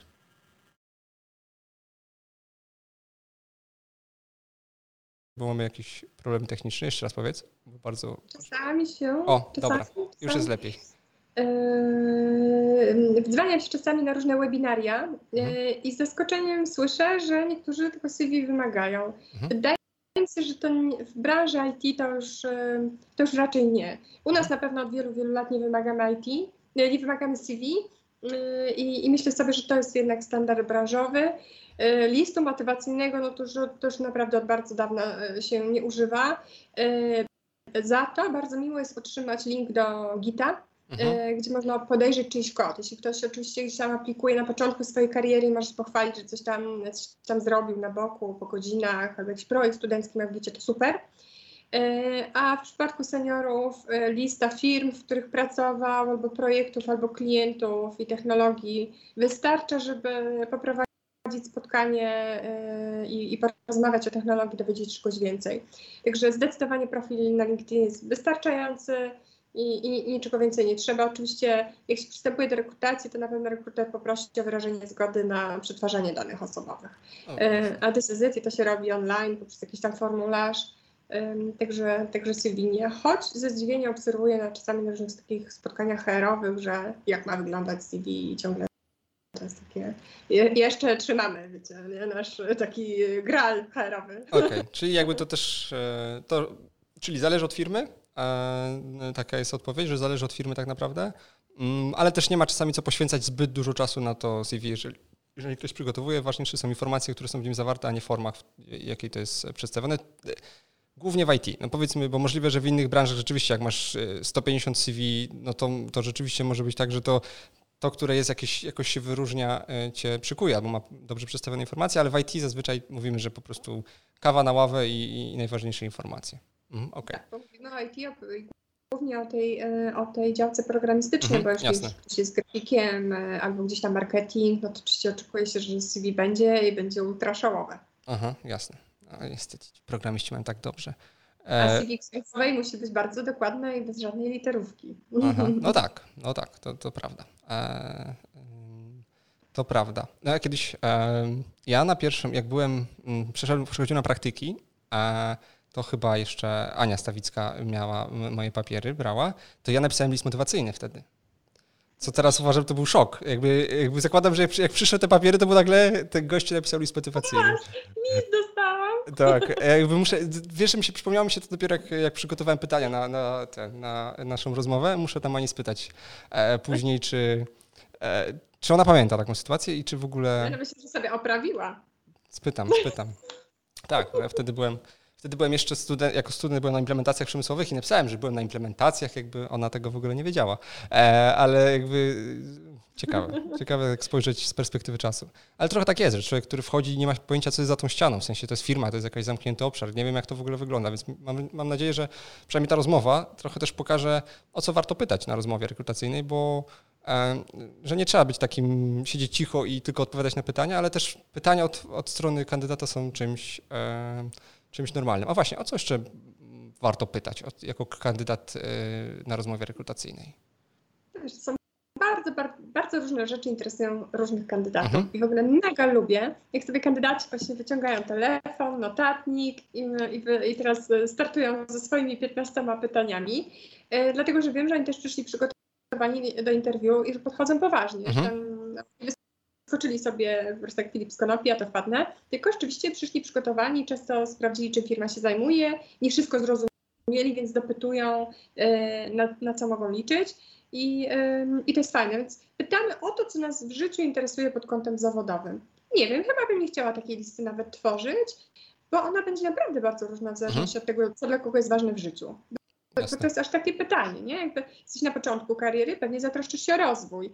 E, możesz e, nie, zidentyfikuj, czy jacyś znajomi pracują w tej firmie. To jest bardzo fajne źródło informacji. E, aczkolwiek też wyrywkowe, bo jeśli firma jest duża, to, ym, to praca między, jednym a drugim zespołem czasami bardzo, bardzo się różni. Czyli w różnych kątach działach firmy pracuje się w różny sposób, z różnymi technologiami, z różnymi menedżerami, mhm. e, ale jeśli wiemy o sobie dużo, to warto się na interwiu tym podzielić. Jeśli wiem, że lubię pracować w ten i w ten sposób, to warto się tym podzielić, zapytać, czy będę miała okazję tak pracować, tak? Czyli lubię pracować w spokojnej atmosferze, czy mam okazję tak pracować w tej firmie. Lubię pracować dwa dni zdalnie, a trzy dni z biura. Czy mogę tak pracować? Dzisiaj można być, czy będę miał swoje biurko. Dzisiaj w, tym, tej nowej rzeczywistości też y, może być tak, że firmy będą oferowały tylko hot deski, mhm. a, a, ty chcesz mieć swój kąt, lubisz mieć swój kąt, więc zapytaj o to. Y, nie ma, to, jest na, e, nie ma złych pytań na interwiu. Niezależnie od e, poziomu, czyli nawet jak jesteś juniorem, to nie, nie wyjdziesz jako osoba, która jest roszczeniowa, czy jakaś taka e, rozbestwiona i co on tam chce, tylko po prostu chcesz wiedzieć, jak to wygląda, tak? Tak. Okay. Znaczy, pytania, ciekawość kandydata to jest zawsze plus. To jest zawsze plus. Roszczeniowy kandydat to, to jest takie coś, ale to co innego. Okej. Okay. To kim jest roszczeniowy kandydat w takim razie? No nie wiem roszczeniowy kandydat, to ja rozumiem, że o, to jestem ja, twój wymarzony kandydat, warty miliony monet. E, I ty chcesz mnie zatrudnić, e, może zgodzę się z tobą rozmawiać, e, ale powiedz mi, ile oferujesz, okay. zanim stracę swój cenny czas dla ciebie. To to myślę sobie, że to jest roszczeniowy kandydat, ale no, i tak rozmawiamy z takimi ludźmi. Czasami to jest trochę irytujące na początku, jeśli ktoś się tak odnosi, ale ale myślę sobie, i to jest bardzo częste, że to jest trzeci telefon headhuntera w tym dniu dla tej, mhm. tej osoby. E, albo ktoś miał po prostu bad day. I, i, tak, I tak odebrał, albo tak zareagował, bo coś go tam wkurza. Wszyscy czasami reagujemy nie tak, ja tak reaguję, nie. Więc wszyscy mamy czasami takie dni. Mm, I warto zaryzykować, spotkać się, jeśli się uda spotkać. Często, często spotkanie pierwsze albo drugie jest naprawdę zupełnie inne i często i, i zmieniamy zdanie o sobie. Także HR człowiek, i, ale kandydat też człowiek. HR człowiek, dobrze.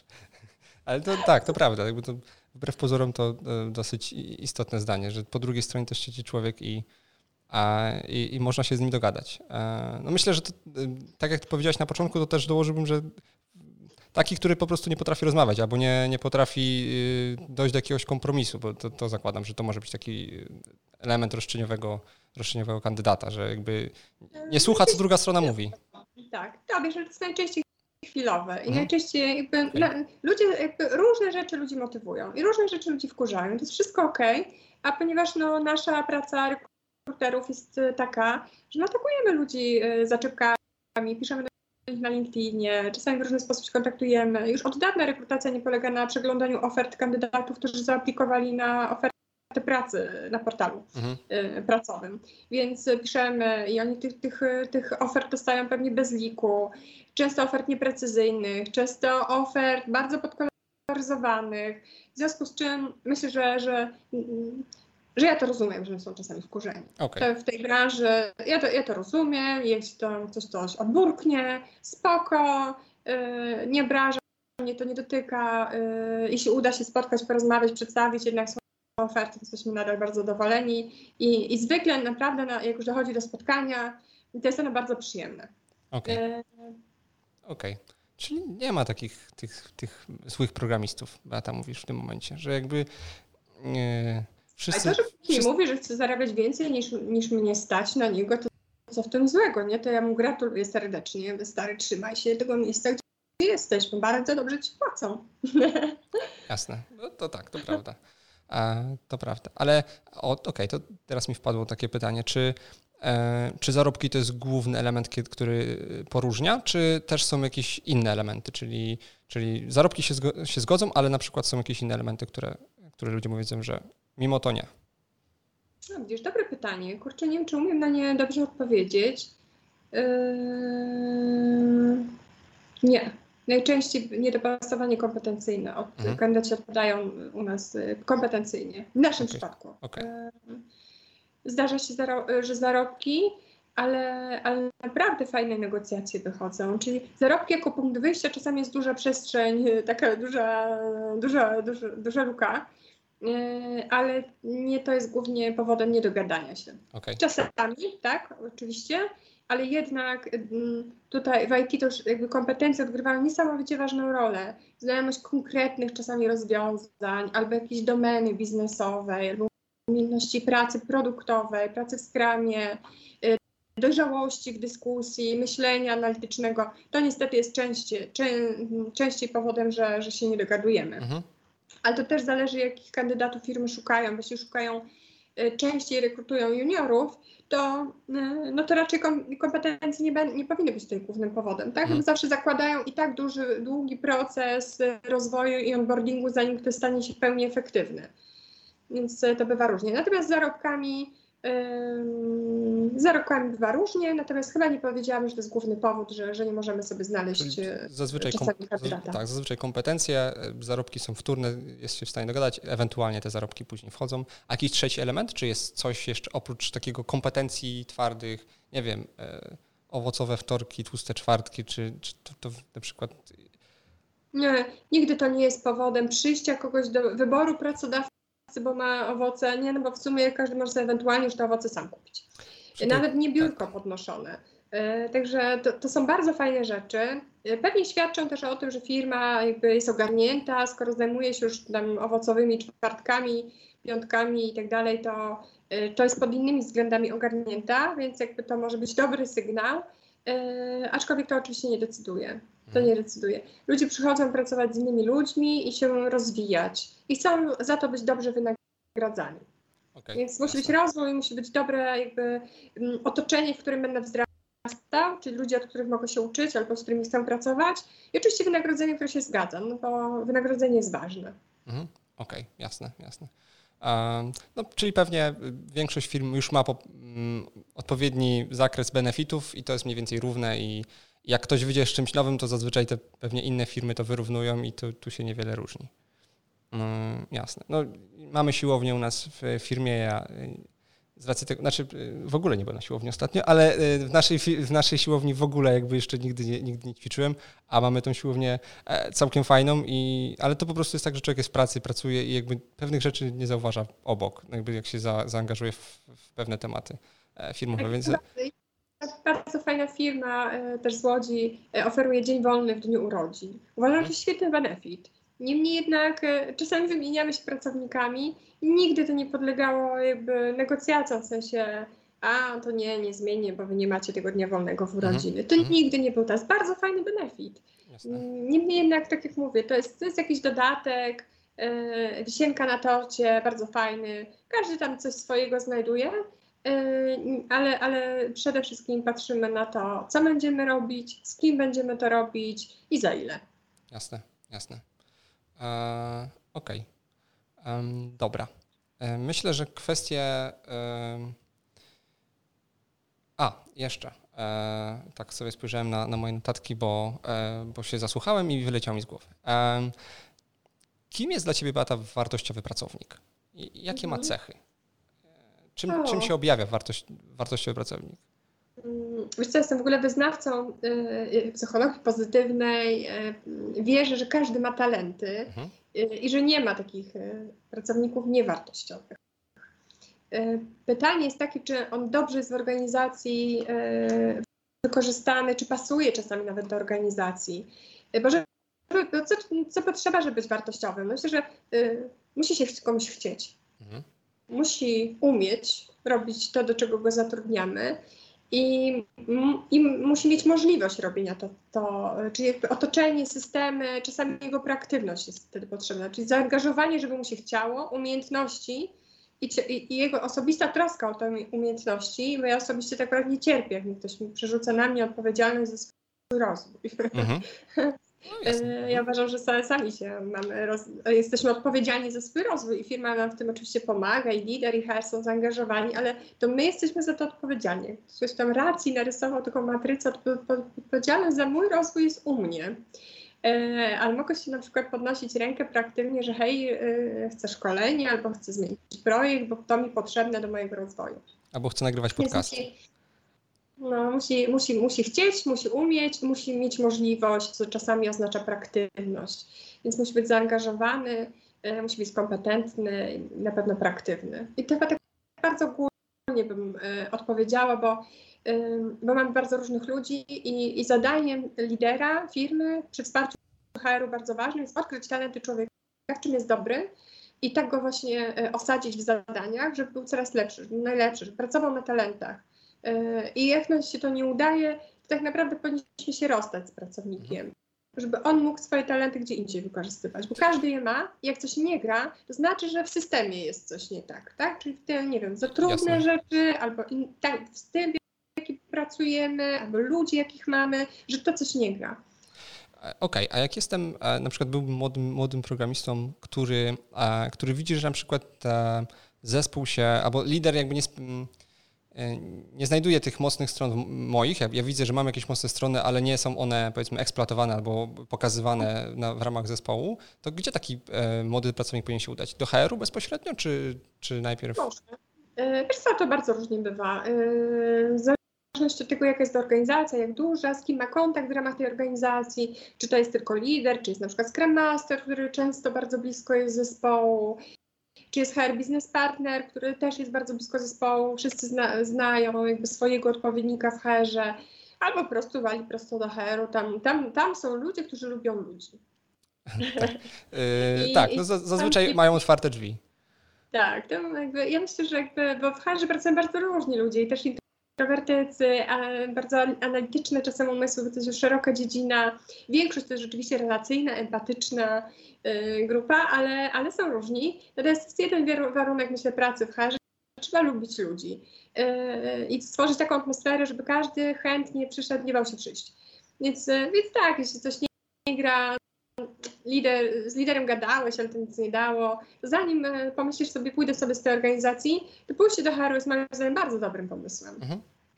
Jasne, jasne. Bo też nie będę, nie będę ukrywał, że ludzie są różni. Ja liderów miałem zazwyczaj, zazwyczaj fajnych, ale znam historię i wiem, że, że ktoś się po prostu może nie dogadywać z liderem i, a, i albo po prostu nie potrafi tego powiedzieć liderowi, bo pracuje z nim zbyt blisko i czasami myślę, że wybranie się do HR-u jest zawsze, e, zawsze e, w porządku. E, to też jest tak, że stracenie, strata pracownika i potem znalezienie kogoś na jego miejsce jest dużo czasami droższe niż to, co, co na przykład dany pracownik e, oczekuje. Też mi się tak w sumie teraz nasunęło na, na myśl, że to, to, to, też trzeba tak czasami od strony y, matematycznej podejść, że... Stresujące, bo to zawsze ktoś odchodzi z zespołu, ten zespół jednak traci coś, jest to trochę demotywujące dla zespołu. Jest to taki w ogóle koszt emocjonalny. Ja już mhm. nawet e, tego kosztu, ok, w kasie, tak jak mówię, w IT, ta kasa stać nas może na ale koszt emocjonalny, koszt wdrożenia nowej osoby, opóźnienia w projekcie w związku z tym do motywacji ludzi, to jest chyba, to jest chyba większy koszt niż jak sobie tam policzymy, niektórzy liczą, ja tam cyferek nie lubię, więc rzadko liczę taki koszt, tak o okej, okay, ogłoszenie o pracę 600 zł, jakieś działania, tutaj coś, coś, coś, wdrożenie, rzadko to liczę, bo to naprawdę nie, nie pokazuje pełnego obrazka. Pełen obrazek to jest wtedy, jak z zespołu ktoś odchodzi, to ten zespół trochę się zbiera e, po tym odejściu. E, przychodzi nowa osoba, destabilizuje zespół, znowu są fazy, znane fazy rozwoju zespołu, gdzie przechodzimy sobie od takiej pierwotnej fazy przez konieczną fazę konfliktów, normalizacji i dopiero pełnej efektywności. Naprawdę to mhm. wszystko się dzieje, to trwa, to powoduje jakiś tam stres, dyskomfort, bo zespół zgrany, teraz przychodzi ktoś nowy, nie wiadomo. E, także to, to są większe koszty moim zdaniem. Mm, Okej, okay.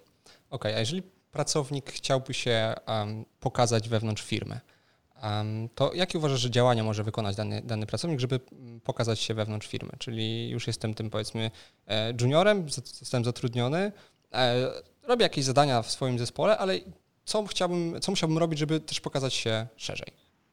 Zakładamy, że on chce się tak szerzej pokazać, że ma e, jakieś e, okay. inne zainteresowania, nie? bo jest, i to jest bardzo w porządku, jest cała grupa osób, które po prostu chcą robić dobrze swoją pracę, są świetnymi programistami. Yy, I, I w tym powinni przede wszystkim mieć wsparcie, żeby się rozwijać technologicznie, żeby dostawać coraz więcej odpowiedzialności. Ja nawet yy, no, twierdzę, że ludzie się rozwijają szybko i są, no, mamy do czynienia z ambitnymi jednostkami, to należy dawać im zadania, które lekko przekraczają ich możliwości. E, bo wtedy no, wychodzą ze strefy komfortu i czasami to jest trochę bolesne, ale rozwijają się szybko, tak? Mhm. Nie powoli, małymi kroczkami, tylko bach, bach, skaczą trochę. E, I, e, I tak należy działać. A jeśli ktoś sobie odkryje, że Friday sprawia mu rozmawianie na Teamsach i nagrywanie innych ludzi, to, to o tym mówi komu może.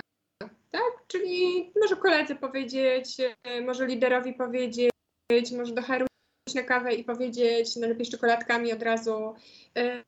Jakby organizacje mają swoje systemy i teraz gdybym powiedziała jakąś ścieżkę, to ona byłaby tylko adekwatna do IDEMI, e, bo w organizacjach to różnie działa, więc myślę, że wszelki sposób, to, to znowu jest proaktywność.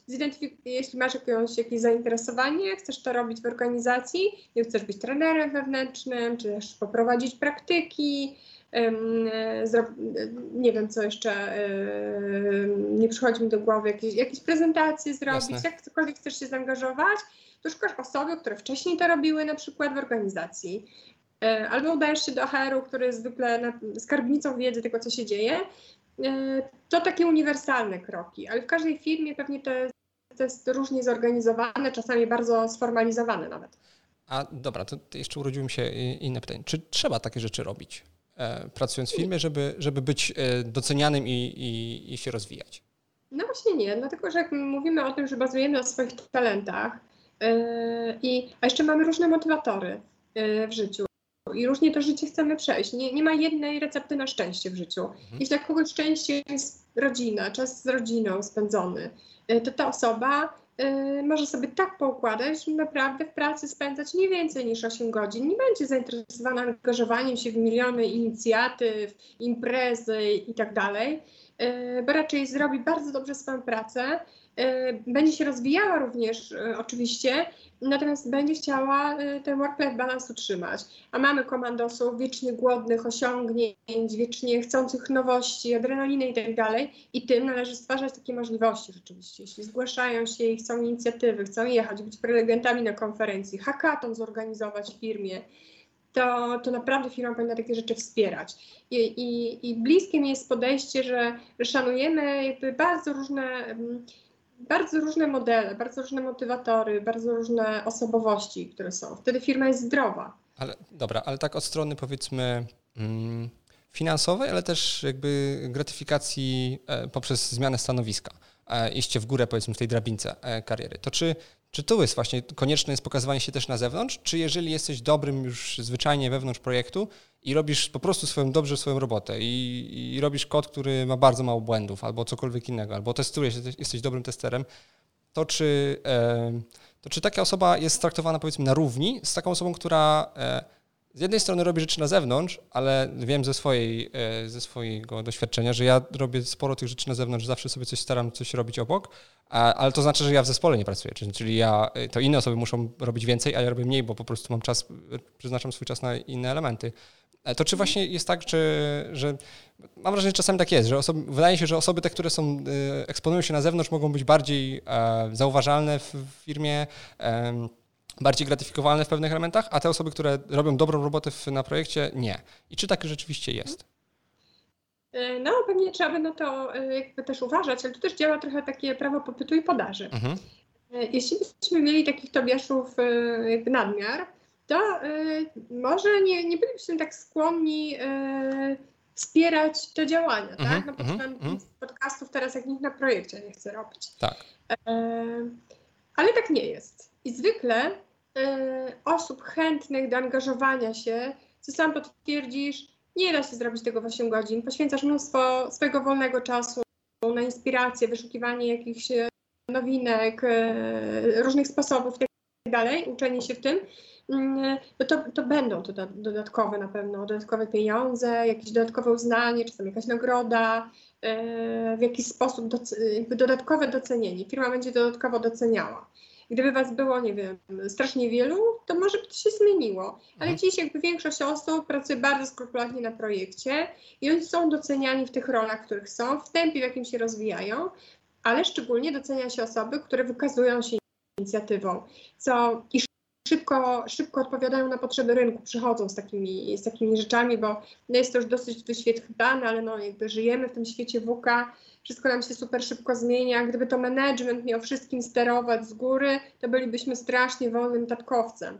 Każda firma by chciała być zwinną motorówką. Mhm. W związku z czym trzeba ludzi, którzy będą brali inicjatywy i, i po prostu bottom-up y, realizowali rzeczy, które, które w firmie przynoszą olbrzymie korzyści. A zatem myślę, że tak, odpowiedziałabym, że mm, osoby, które się wyróżniają w różny sposób, y, mają odwagę, chęć mm, robić więcej niż się od nich oczekuje, będą lepiej wynagrodzone. Okej, okay, okej, okay, okay. czyli e, Czyli zawsze fajnie się, fajnie się gdzieś pokazać, próbować e, na różne, na różne e, elementy. Nie zawsze to wychodzi za pierwszym razem. To, to też stwierdzam ze swojego, ze swojego doświadczenia, ale, ale tak, tak jest. Okej. Okay. Na co? Dobra, myślę, że powiedzieliśmy już dużo, ale czy widzisz jeszcze coś, o czym nie powiedzieliśmy, na co powinien patrzeć e, młody programista, szukając swojej pierwszej pracy w IT? Jakby jakie szczegóły powinny go, e, go zainteresować, co powinno być dla niego e, istotne? Już rozmawiamy ponad godzinę, godzinę 20, myślę, że już będziemy powoli zbliżać do końca, ale no już myślę, że już końców, końcowe tematy. Co, co powinien młody, na co powinien młody patrzeć? Popatrzmy sobie, że tutaj to już startuje, jest na czwartym roku studiów, będzie się rozglądał, co powinien wybrać. Myślę, że czwarty rok studiów to już by było bardzo późno, gdybyś zaczął teraz wybierać. Mhm. Myślę, że dziś studenci na drugim, trzecim roku zdobywają już doświadczenia. Czyli i to jest chyba, i to jest chyba fajne. To, to bym chyba każdemu zalecała. Zrób kilka różnych praktyk, jakich zleceń dla różnych organizacji. Wejdź do małej organizacji, zobacz, czy ci fajnie. Wejdź do dużej organizacji, zobacz, czy ci fajnie.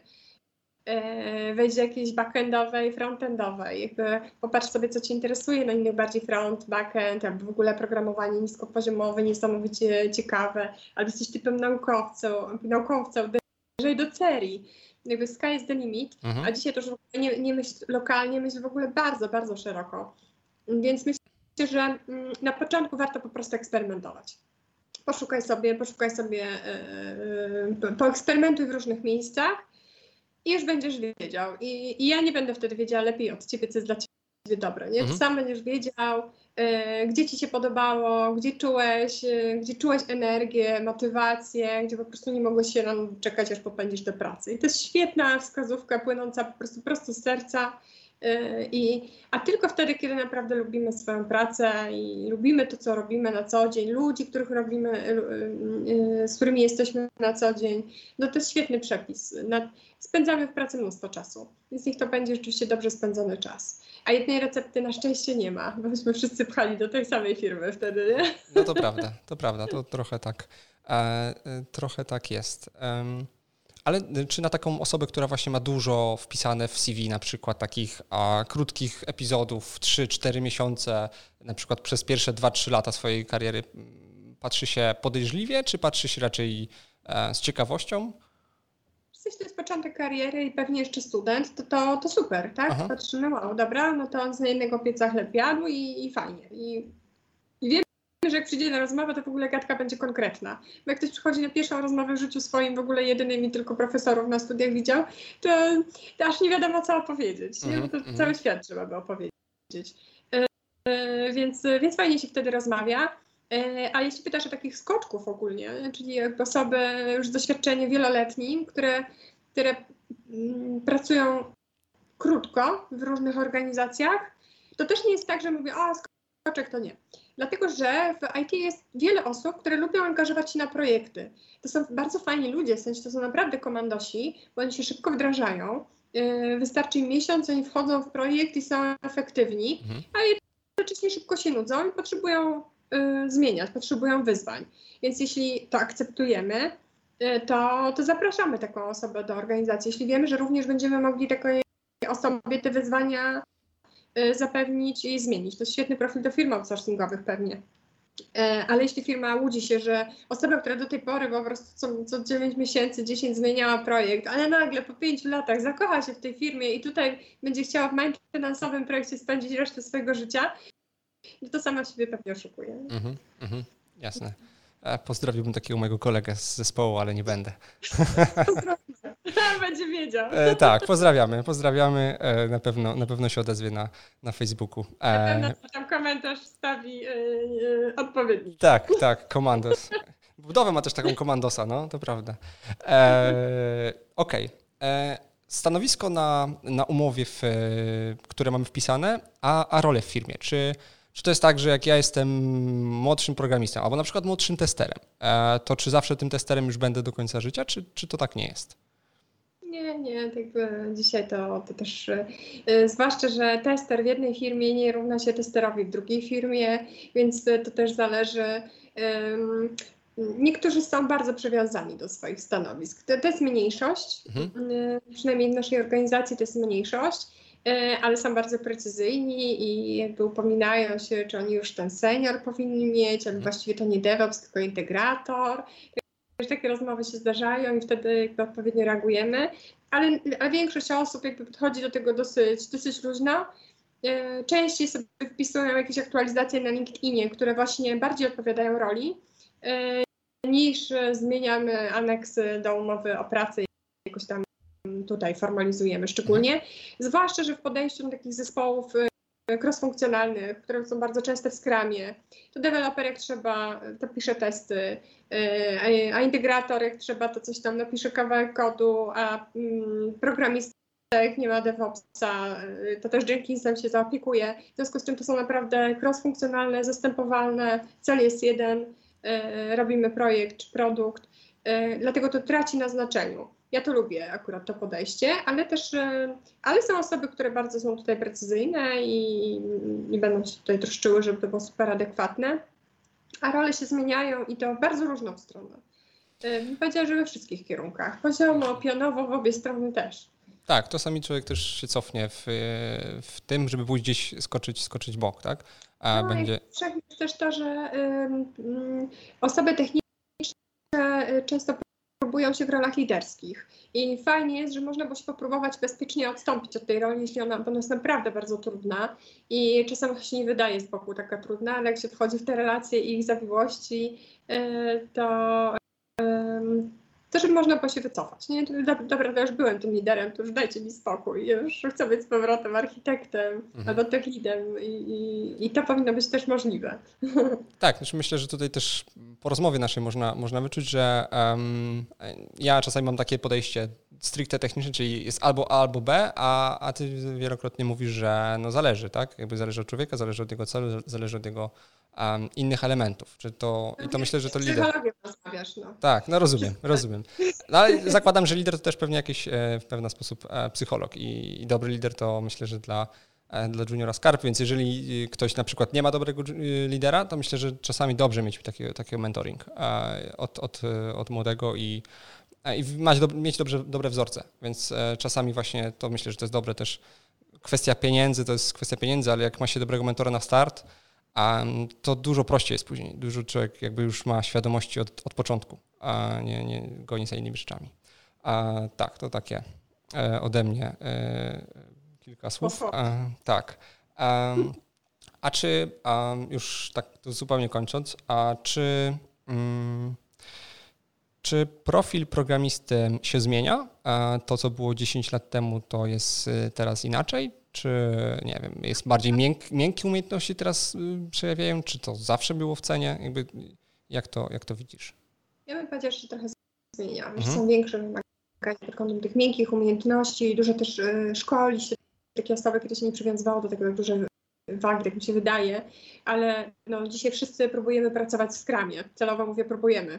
E, dzisiaj bardzo wiele e, osób pracuje w zespołach międzynarodowych, w ogóle w zespołach, tak? Mhm. Produkty są złożone, projekty są złożone. W pojedynkę to tam już nie, nie, niewiele osób jest w stanie cokolwiek dowozić, w związku z czym pracują w zespołach, musimy się dogadywać. Umiejętności komunikacyjne są bezcenne, umiejętności pracy zespołowej, dogadywania się, osiągania kompromisów. Um, i, e, I jeszcze zespoły wielokulturowe gdzie do tego wszystkiego, co już jest dużo, e, nakładamy sobie jeszcze różnice międzykulturowe, które no, czasami potrafią niesamowicie zaskakiwać. Tak, jak, jak, więc... jak ktoś jeszcze nie zaczął pracy, to e, to potem jak mówi, no co, przecież no, mam kolegę z, z, z, innego kraju, z innego kontynentu, a to jest normalnie, nie, to jakby to jest zupełnie inna mentalność. E, to, co trafiło do twojego kolegi w Polsce, niekoniecznie trafi do kolegi ze Stanów, czy, czy z Indii, czy z jakiegoś innego zakątka, tak? Jakby to, to odkrywa się tak, w pracy, więc... Tak, jeśli ktoś się nastawia, że w pracy to tylko będzie odpowiedzialny za pisanie coraz to lepszych linii kodu i stosowanie coraz bardziej falsy bibliotek, to, to nie wiem, może rozczaruje, ale rzeczywiście to będzie wie, dużo więcej zmartwień w pracy niż dobra linijka kodu i dobry algorytm, bo trzeba będzie się dogadać, trzeba będzie się mhm. porozumieć, trzeba będzie coś e, wycenić w, w skramie i, i tam naprawdę dużo, dużo rzeczy. Zresztą fajnie sobie zerknąć na wartości skramowe e, i to dużo mówi. Czym dobry, dobry programista powinien się, e, powinien się odznaczać. To, to jest naprawdę fajnie tam opisane i te cechy są niezwykle potrzebne. Im, im bogatsza osoba w te cechy, tym, tym lepiej zaistnieje w takim zespole złożonym. Jasne, jasne, jasne. Um, to już ostatnie, całkowicie ostatnie pytanie. E, czy łatwiej było spotkać młodego, stereotypowego, introwertycznego programistę w e, koszuli flanelowej 10 lat temu, czy teraz? Nie wiem. Nie wiesz. To jest, to już, to, e, powiem Ci Mata, że na małe które pytania odpowiedziałaś e, politycznie, ale teraz już było chyba, wydaje mi się, że politycznie. W sensie, nie? No, nie? nie wiem, no, nie wiem. Ja, ja powiem tak, tak powiem. I to, to znaczy, że Ci nie odpowiem na to pytanie tak, jakbyś oczekiwał, mhm. że łatwiej albo trudniej.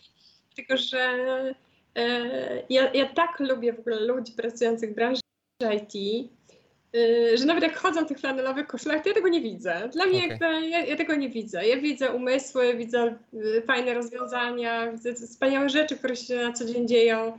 Y, ta branża wnosi ol, olbrzymie, olbrzymią wartość w ogóle do świata. Jakoś tak nie potrafię skupić, czy to była ta flanelowa, czy ona była nie flanela. Okej, okej. Okay, Dobra, czyli... czyli nie masz flanelowej, chłopaki... ja nie mam. No to znaczy, że może nie jest tak powszechna. Okej, okay, wiesz, myślałem, że, że będę mógł tam chłopakom, którzy już tak mm, pracują już 10 lat czy, czy 15 powiedzieć, że no, widzisz, ty się tak nie ubierałeś dobrze jak, jak młodzi programiści teraz. E, myślałem, że dam, dam się, uda mi się wbić szpilkę, ale dobra, nieważne. To może jeszcze zaprosisz jakiegoś tutaj herawca na wywiad i może jednak. Może jednak. Tak było. No zobaczymy, zobaczymy. E, jakby mamy dużo, e, dużo innych też e, punktów widzenia, a właśnie już tak, tak kończąc słowem podsumowania, um, dziękuję Ci bardzo, Bata, za, za Twoje jakby pokazanie, jak, jak to wygląda od strony właśnie HR-u, jak to wygląda od strony um, osoby, która nie, nie zajmuje się tym kodem stricte, tylko tak patrzy właśnie od innej strony. Mam, mam wrażenie, że to, to było dosyć istotne, żeby ludzie też posłuchali, żeby widzieli, co tak naprawdę jest istotne na tej rozmowie rekrutacyjnej, co jest tak naprawdę w jego rozwoju istotne, co jest tak naprawdę istotne, jeżeli chodzi o zarobki i jak to tak naprawdę wygląda, że świat nie jest aż tak bardzo e, czarno-biały i jak nie dostanę te 500 zł więcej, to może to nie jest aż tak bardzo krytyczne e, i, i, i są inne rzeczy fajne albo, albo niefajne. Więc cieszę się bardzo, że mieliśmy, e, mieliśmy szansę porozmawiać. Półtorej godziny rozmawialiśmy, także e, całkiem niezły, całkiem niezły materiał. E, myślę, że szybko zleciało. Mam nadzieję, że słuchaczom też, też szybko zleci. Czy jeszcze masz jakieś słowa podsumowania ze swojej strony? Jakby coś, coś chciałbyś jeszcze dodać, a coś, co nie, nie powiedzieliśmy jeszcze? Tak, dodałabym tylko, że praca w firmie, w firmach IT, w ogóle w tej branży to jest naprawdę olbrzymia przyjemność. To miałam przyjemność pracować w różnych branżach, ale to jak się podchodzi do relacji w branży IT, to jest naprawdę wysoki poziom i wszelkie, wszelkie projekty HR-owe, managementowy styl pracy i tak dalej, to jest naprawdę bardzo wysoki poziom, dużo, dużo fajnej kultury, fajnego szacunku dookoła otwartości, także świetna przygoda. I jeśli tutaj rzeczywiście są osoby, które jeszcze studiują, myślą sobie o tym, gdzie pracować, jak pracować, to nie wahajcie się, w ogóle super, super przygody przed Wami i większość firm yy, naprawdę świetnie poukładana, gdziekolwiek nie traficie, to traficie do świetnej, yy, do fajnej przygody. I to będzie początek naprawdę ciekawej kariery. E, tak, jeszcze tylko, tylko dodam, że zaczynajcie jak najwcześniej, to na pewno, bo tak naprawdę doświadczenia zdobywa się właśnie w firmie i patrzy się, jak, jak jest tych dużo rzeczy związanych e, z pracą. Oczywiście o niektórych aspektach mówiliśmy, zajmują się tym osoby bardziej doświadczone, liderzy e, i, i my jako młody programista zazwyczaj skupiamy się głównie na kodzie, żeby tu się rozwijać, ale, ale widzimy, jak to działa w firmie i jakby dzięki temu, jak pracujemy, to możemy potem sobie sprawdzić, czego to muszę się jeszcze douczyć, e, bo czasami to tak e, próbujemy się uczyć w domu, w domu i potem czy to już, czy to jeszcze, najlepiej sprawdzić po prostu już, e, już w firmie, próbując. I jak Bata powiedziała, jakby zmiana firmy co, co jakieś chwilę to nie jest problem, jeżeli jesteś młodym, więc próbuj tak naprawdę. No dobra, wydaje mi się, że tym, tym pozytywnym akcentem możemy, możemy zakończyć. Jeszcze raz dziękuję Ci bardzo, bardzo za. Dzięki za zaproszenie, Tobiasz. I e, Wam oczywiście wszystkim polecam e, kolejne e, odcinki podcastu, które się pojawią, oraz inne rzeczy, które publikuję na kanale Różkodem. Dzięki wielkie.